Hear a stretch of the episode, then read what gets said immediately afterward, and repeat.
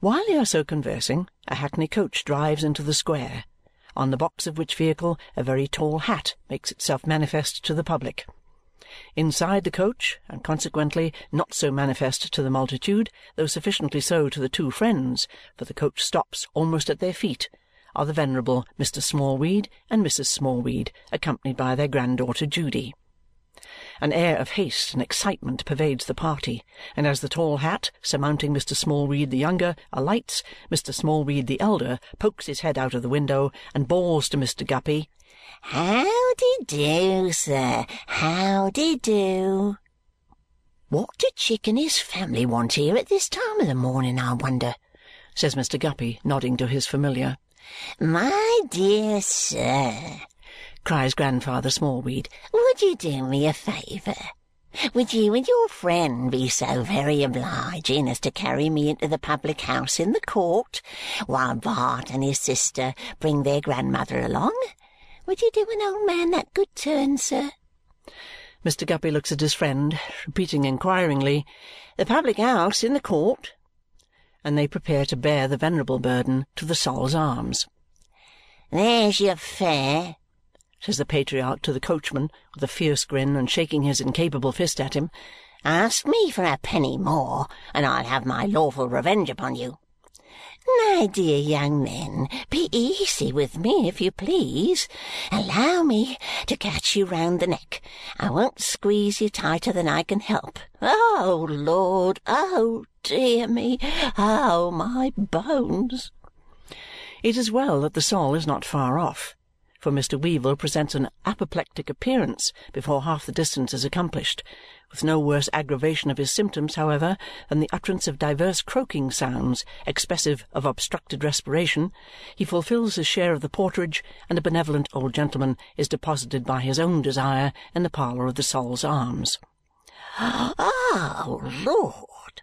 Gasps Mr. Smallweed, looking about him breathless from an arm-chair. Oh, dear me! Oh, my bones and back! Oh, my aches and pains! Sit down, you dancing, prancing, shambling, scrambling poll parrot. Sit down. This little apostrophe to Mrs. Smallweed is occasioned by a propensity on the part of that unlucky old lady, whenever she finds herself on her feet, to amble about and set to inanimate objects, accompanying herself with a chattering noise as in a witch dance. A nervous affectation has probably as much to do with these demonstrations as any imbecile intention in the poor old woman, but on the present occasion they are so particularly lively in connexion with the Windsor arm-chair, fellow to that in which Mr. Smallweed is seated, that she only quite desists when her grandchildren have held her down in it, her lord in the meanwhile bestowing upon her with great volubility the endearing epithet of A pig-headed jackdaw repeated a surprising number of times. My dear sir, Grandfather Smallweed then proceeds, addressing Mr. Guppy, there has been a calamity here. Have you heard of it, either of you? Heard of it, sir? Why, we discovered it. You discovered it. You two discovered it, but they discovered it. The two discoverers stare at the Smallweeds, who return the compliment.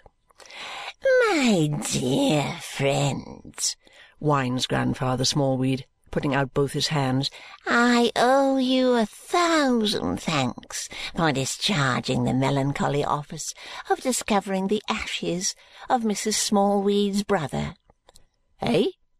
Says Mr. Guppy. Mrs. Smallweed's brother, my dear friend, her only relation. We were not on terms which is to be deplored now, but he never would be on terms. He was not fond of us. He was eccentric. He was very eccentric. Unless he has left a will, which is not at all likely, I shall take out letters of administration. I have come down to look after the property. It must be sealed up. It must be protected. I have come down, repeats Grandfather Smallweed, hooking the air towards him with all his ten fingers at once, to look after the property. I think, Small, says the disconsolate Mr. Guppy, you might have mentioned that the old man was your uncle.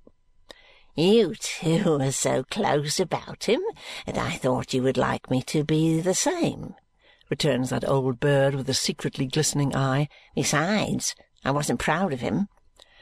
Besides which, it's nothing to do with you, you know, whether he was or not, says Judy, also with a secretly glistening eye.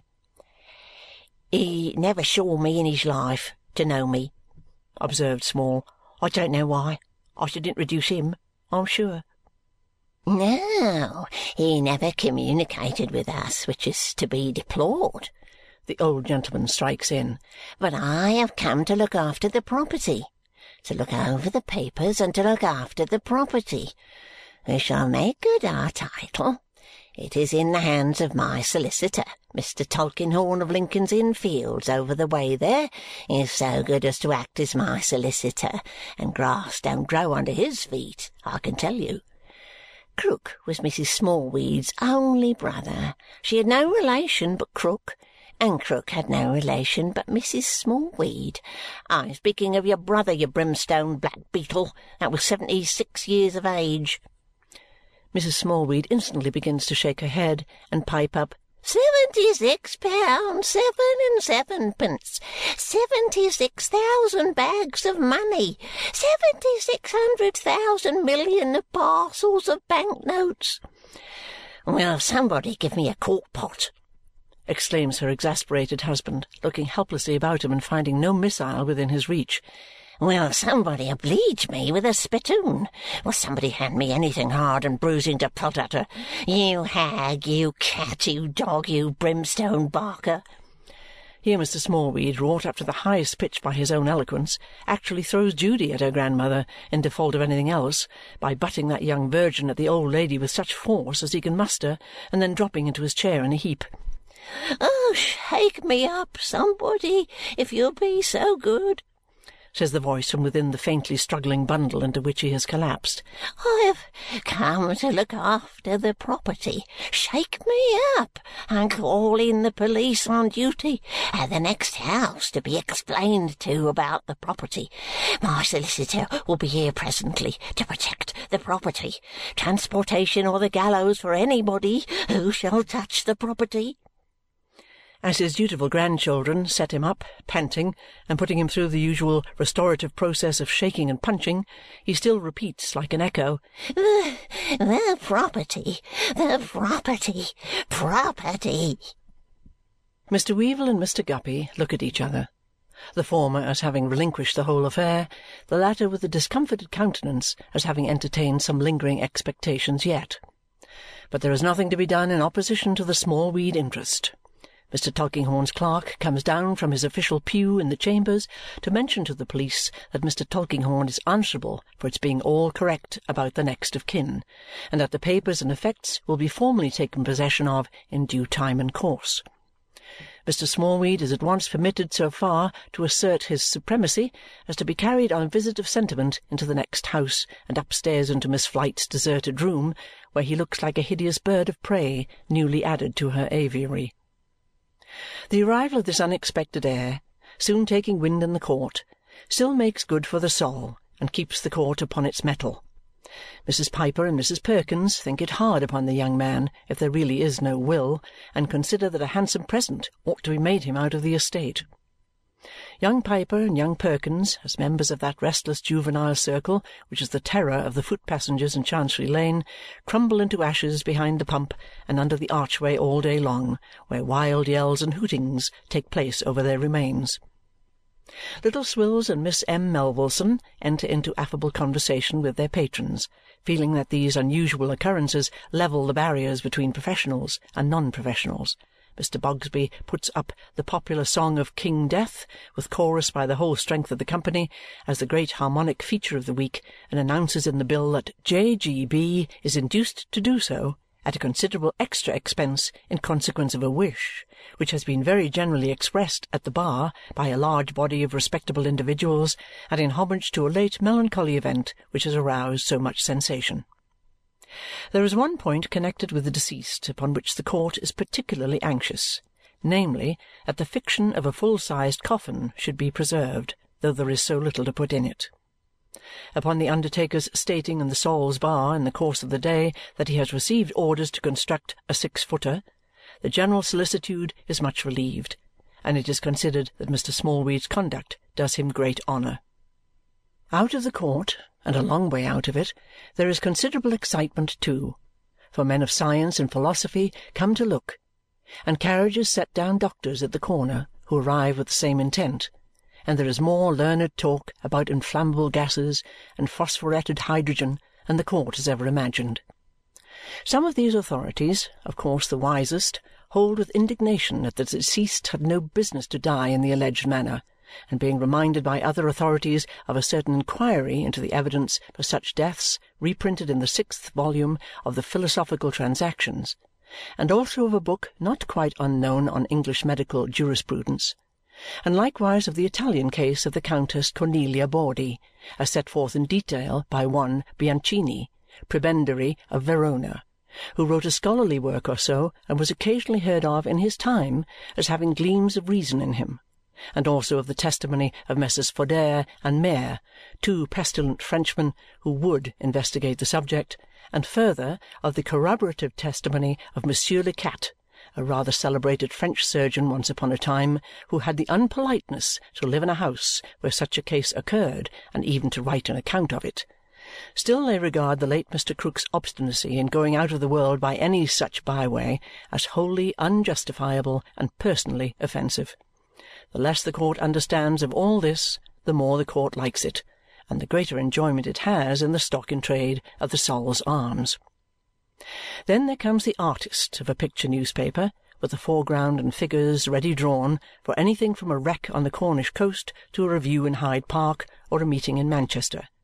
And in Mrs. Perkins's own room, memorable evermore, he then and there throws in upon the block Mr. Krook's house, as large as life in fact considerably larger, making a very temple of it Similarly, being permitted to look in at the door of the fatal chamber, he depicts that apartment as three quarters of a mile long by fifty yards high, at which the court is particularly charmed. All this time the two gentlemen before mentioned pop in and out of every house and assist the philosophical disputations, going everywhere and listen to everybody, and yet are always diving into the Sol's parlour and writing with ravenous little pens on the tissue paper.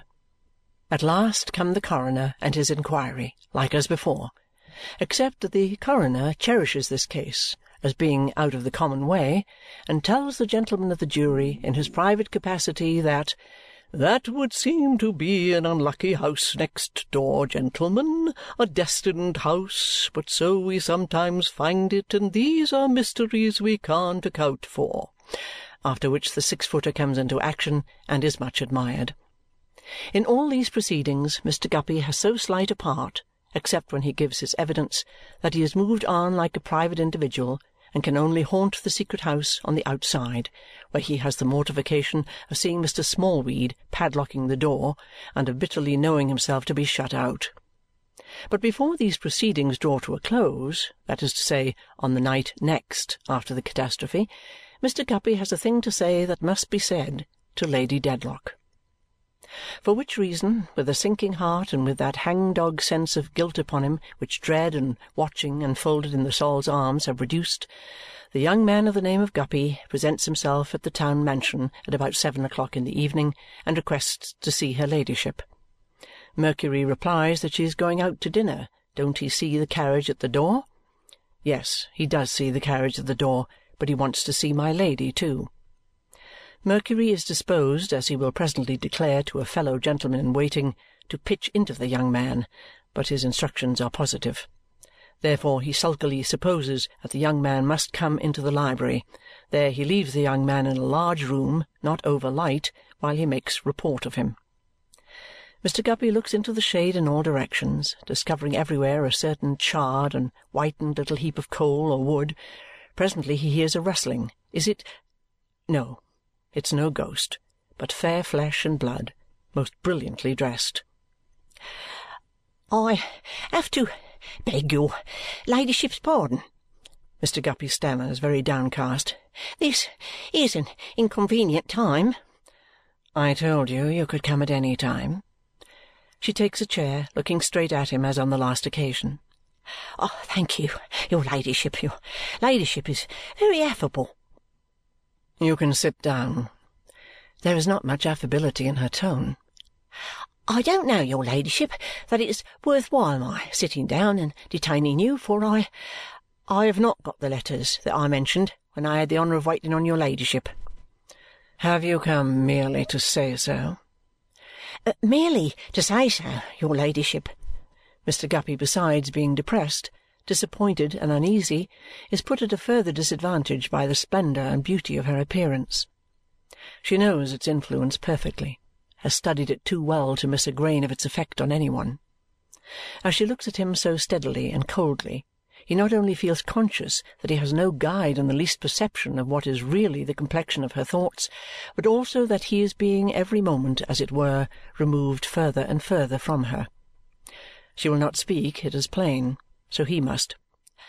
In short, your ladyship, says Mr. Guppy like a meanly penitent thief, the person I was to have had the letters of has come to a sudden end, and he stops.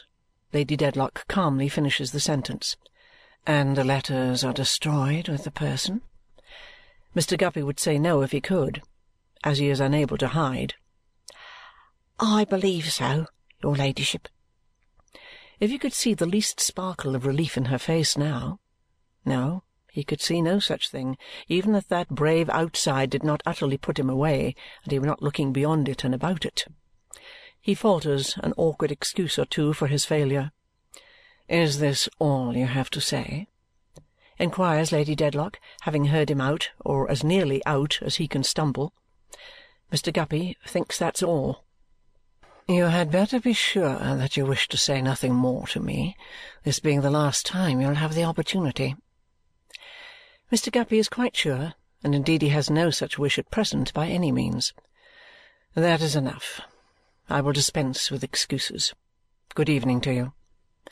And she rings for Mercury to show the young man of the name of Guppy out.